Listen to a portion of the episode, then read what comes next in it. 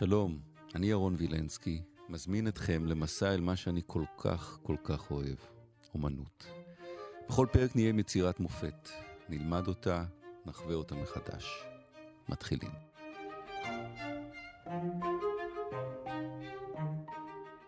אדוארד הופר, הגענו אל הצייר האמריקני הכי אהוב עליי. דוקטור גיא טל, שנקר שלום. ערב טוב. תודה שבחרת את הציור הזה. ניצי לילה. נדמה לי בשנות ה-60, 70, 80, זה היה אחד הפוסטרים הכי פופולריים בכל העולם. לקחו את הציור הזה ועשו לו כן. כל מיני... אה, איקונה מודרנית, כמו המונליזה. כן. בוא נתייחס לציור הזה קודם, ואחר כך נדבר על אדוארד הופר.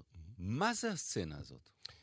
סצנה של אה, אנשים, איפשהו בגריניץ' בניו יורק, אה, בשנות ה-40 בזמן מלחמת העולם השנייה. אנחנו רואים את הדיינר, הרחובות ריקים לגמרי, נקיים מאוד, ואנחנו רואים אה, שלוש דמויות שיושבות בתוך הדיינר. זה דיינר, זה לא. בר, כי המחשבה הראשונה שאתה רואה את זה זה נכון, בר. נכון, זה ממש דיינר. בגלל הלילה וכל זה. נכון, זה דיינר, ויש לך גם את הנורות ניאון שבדיוק הומצאו אז, ואנחנו מכירים את הנורות האלה, הקרות, גם עד היום כשאנחנו נכנסים לדיינרים בארצות הברית. חלונות ענקיים, גדולים, הכל פתוח. כן. כביכול יש לנו גישה לדמויות האלה, כי אנחנו רואים אותם ממש כמו אקווריום עם דגים, אבל כמו אקווריום גם אין לנו דלת, אנחנו לא יכולים לגשת אליהם, אנחנו לא יכולים ל- לעשות איזה, איזה אינטראקציה איתם, הם, הם לא יכולים לצאת מתוך הדיינר הזה, הם כלואים בעצם בתוך הדיינר, אה, ממש שבויים של המקום הזה בתוך הבדידות שלהם. הדמויות שכאן. יש את המלצר, מוז... הוא לא כן, ברמן, מין כי זה בר, דיינר. כן, ברטנדר, כן, מלצר. נראה כמו מלאך בכלל עם הכובע הזה. נו, כן, זה כנראה הייתה התלבושת שלהם אה, באותה תקופה. והדמויות שעל הבר. כן, יש לך שני גברים, גבר אחד שנמצא לבד, ואולי הוא מסתכל על אה, הזוג, לכאורה, שיושבים אחד ליד השני, אבל תראה איך כל אחד נמצא בבדידות שלו ואין ביניהם שום אינטראקציה. כמו היום שיש לנו את ה... אנחנו יושבים באיזה בית קפה, כל אחד עם הסלולרי שלו, ואנחנו בקושי מדברים, כי אנחנו כבר עם הסלולרי. כאן אין את הסלולרי, הם פשוט ב... כל אחד עם הבדידות שלו. ומבחינת מה שהוא עושה כאן כצייר זה מופלא. המשחק של הצבעים, הבחירה של הצבעים, הירוק הזה בחוץ. מדהים, יש לך את הירוק, יש לך בחלק העליון של הציור את האדום של הבניין. אז יש לך איזה שני צבעים משלימים של הירוק-אדום שיוצרים איזה קונטרסטים. כל הזכוכית והתאורה ממש אה, מרחיק אותנו מהציור הזה, ועם זאת יוצר איזו איקונה מאוד מודרנית. בדיוק, והאיקונה המודרנית הזאת, הזכרתי את הפוסטרים קודם, יש פוסטרים עם ג'יימס דין יושב שם, כן. ומרלין מונרו, ו- ו- והצליחו לקחת, כלומר, הופר, שמצייר את זה ב-1942, מהמם. מצליח להפוך את זה למין סמל שאחר כך ממשיכים וממשיכים ומזדהים איתו. כן, אחר כך גם באחד הסרטים של בטמן, אז יש אה, דיינר שקוראים לו הופר. אז זה פשוט מראה לך עד כמה הדימוי הזה נצרב בתודעה שלנו מה הוא רצה להעביר פה? את ה... כמה אפשר להיות לבד? ביחד. בתוך... ביחד. כן, זה היה ממש הבדידות כשאנחנו ביחד עם אנשים. השם של הציור, ניצי לילה, זה בעצם Nighthawks באנגלית, זה השם של אנשים הבליינים שיוצאים באמצע הלילה ומבלים ומתפרעים באמצע ממש הלילה. מבלים אתה מסתכל. פה. ממש, בדיוק. אירוניה, בדיוק יש לך כאן את ההפך, אתה רואה שכל אחד נמצא בעולם שלו, את העצב, את הדכדוך המלנכולי הזה של העיר הגדולה, שכמעט ריקה מתושבים בגלל מלחמת העולם השנייה. הקירות ריקים. שני מיחמים כאלה. כן. של קפה. שום קישוט, שום כלום. זה גם עושה משהו על העולם הקר נכון והמנוכר מאוד, הזה. נכון. גם החוסר קישוטיות, יש למעלה איזה מין אה, מודעה של אה, סיגריות, אין לך את השם של עדיין, רק מודעה של סיגריות בחלק העליון, מה שמראה לך שזה ב-1942, זאת אומרת, יש פה אלמנטים ממש ספציפיים, כמו שהזכרת את הלבוש של הברטנדר, שהם היו מוכרים בניו יורק, אבל חוץ מזה אין לך, אה, אין לך עוד אנשים, אין לך לכלוך, אין לך עיר שנושמת כמו שאנחנו מכירים את אה, ניו יורק. 1942, מלחמת העולם. מה קורה באירופה אז? מה קורה מסביב? והוא מצייר את הסצנה הזאת. כן. וכשהוא מצייר את הסצנה הזו, הוא רוצה שגם אנחנו, הצופים, נרגיש את הדכדוך ואת ה... נרגיש את הלבד. אז תראה מה הוא עושה. הוא מותח את הקווים האלכסוניים האלה של הבר. כן. אם אתה ממשיך את הקווים האלכסוניים האלה למה שאנחנו קוראים נקודת מגוז, כן. נקודה שבה כל האלכסונים נפגשים, הנקודת מגוז נמצאת מחוץ לציור. זאת אומרת, אנחנו זרים לציור עצמו. בשביל לראות את הציור הזה מנקודת המבט הנכונה, אתה צריך להתרחק מהציור שמאלה, לעמוד מול נקודת המגוז ולהסתכל אל הציור. זאת אומרת, גם אתה מרוחק וזר לאנשים האלה שנמצאים בתוך הבר. קצת על אדוארד הופר.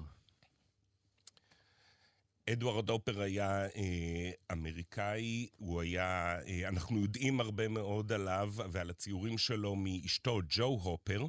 וג'ו הופר, היא הייתה גם הדוגמנית שלו, למשל האישה בציור היא 아, אה, ג'ו כאן הופר. זאת אשתו? כן, זו אשתו.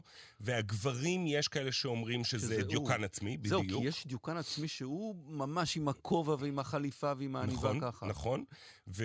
וג'ו מספרת על הציור, על מה הופר אומר על הציור, למשל. אומר? הוא אומר שהבן אדם היחיד בציור הזה שהוא חופשי, זה דווקא המלצר, כי הוא זה שיכול לצאת ולהיכנס, הוא נמצא רק בתפקיד שלו, והאנשים האלה שבויים ולכודים בתוך החיים שלהם, הם אלה הלכודים באמת, אה, והמלצר הוא החופשי. אבל יש כאן המון סטייל. כן, יש סטייל, נכון? זה מין, אה, זה תמיד הציור הזה מזכיר לי את אה, הסרט דיק טרייסי. או קומיקס כאלה, שאתה רואה את הצבעים הצרופים האלה של הירוק אדום. בדידות, בדידות, אבל סטייל כן. מפה עד הודעה חדשה. כן, בדידות בסטייל. בדידות בסטייל. אז אם רוצים לסכם את המסר שהופר רוצה להעביר לנו מהסצנה הזאת של ניצי הלילה. כן. אה, אני הייתי אומר, הבדידות של האורבניות.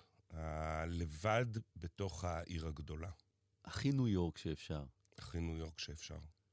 אז בחרתי את uh, ליאונרד כהן, famous blue raincoat. אה, אין מתאים. יותר ניו יורק מזה. הכי מתאים.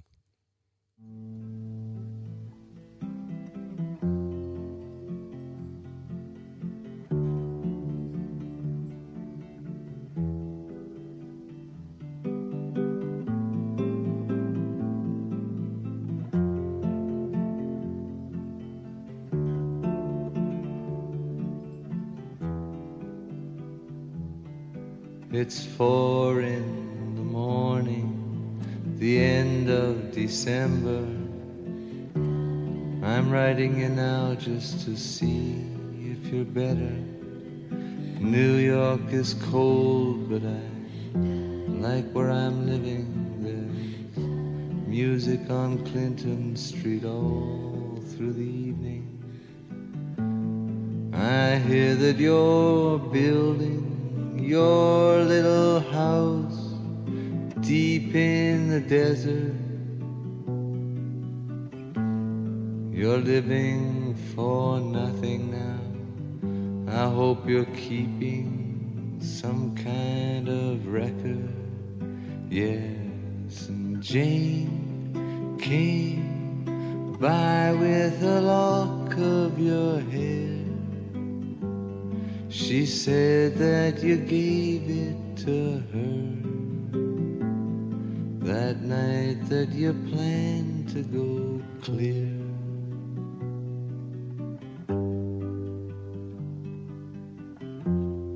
Did you ever go clear?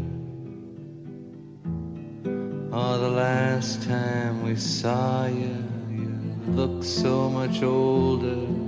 Your famous blue raincoat was torn at the shoulder. You'd been to the station to meet every train. Then you came home without Lily Marlene, and you treated my woman to a flake of your life.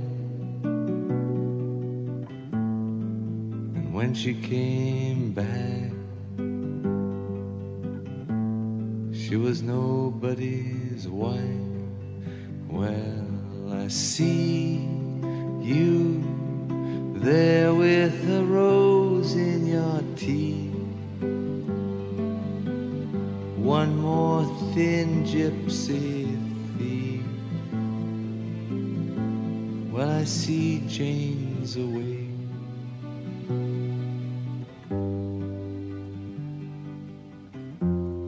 She sends her regard.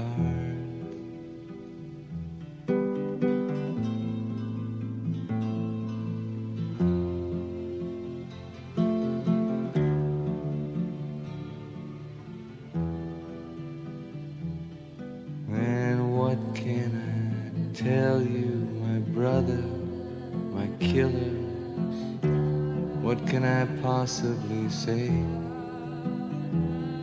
I guess that I miss you.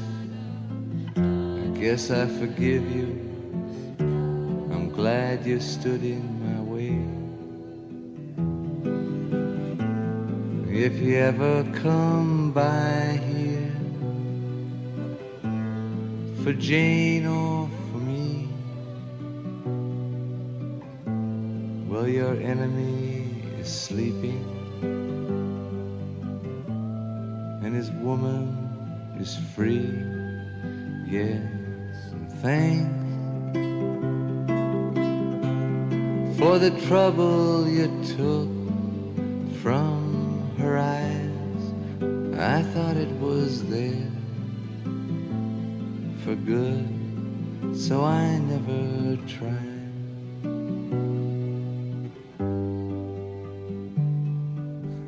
Jane by with a lock of your hair. She said that you gave it to her that night that you planned to go clear.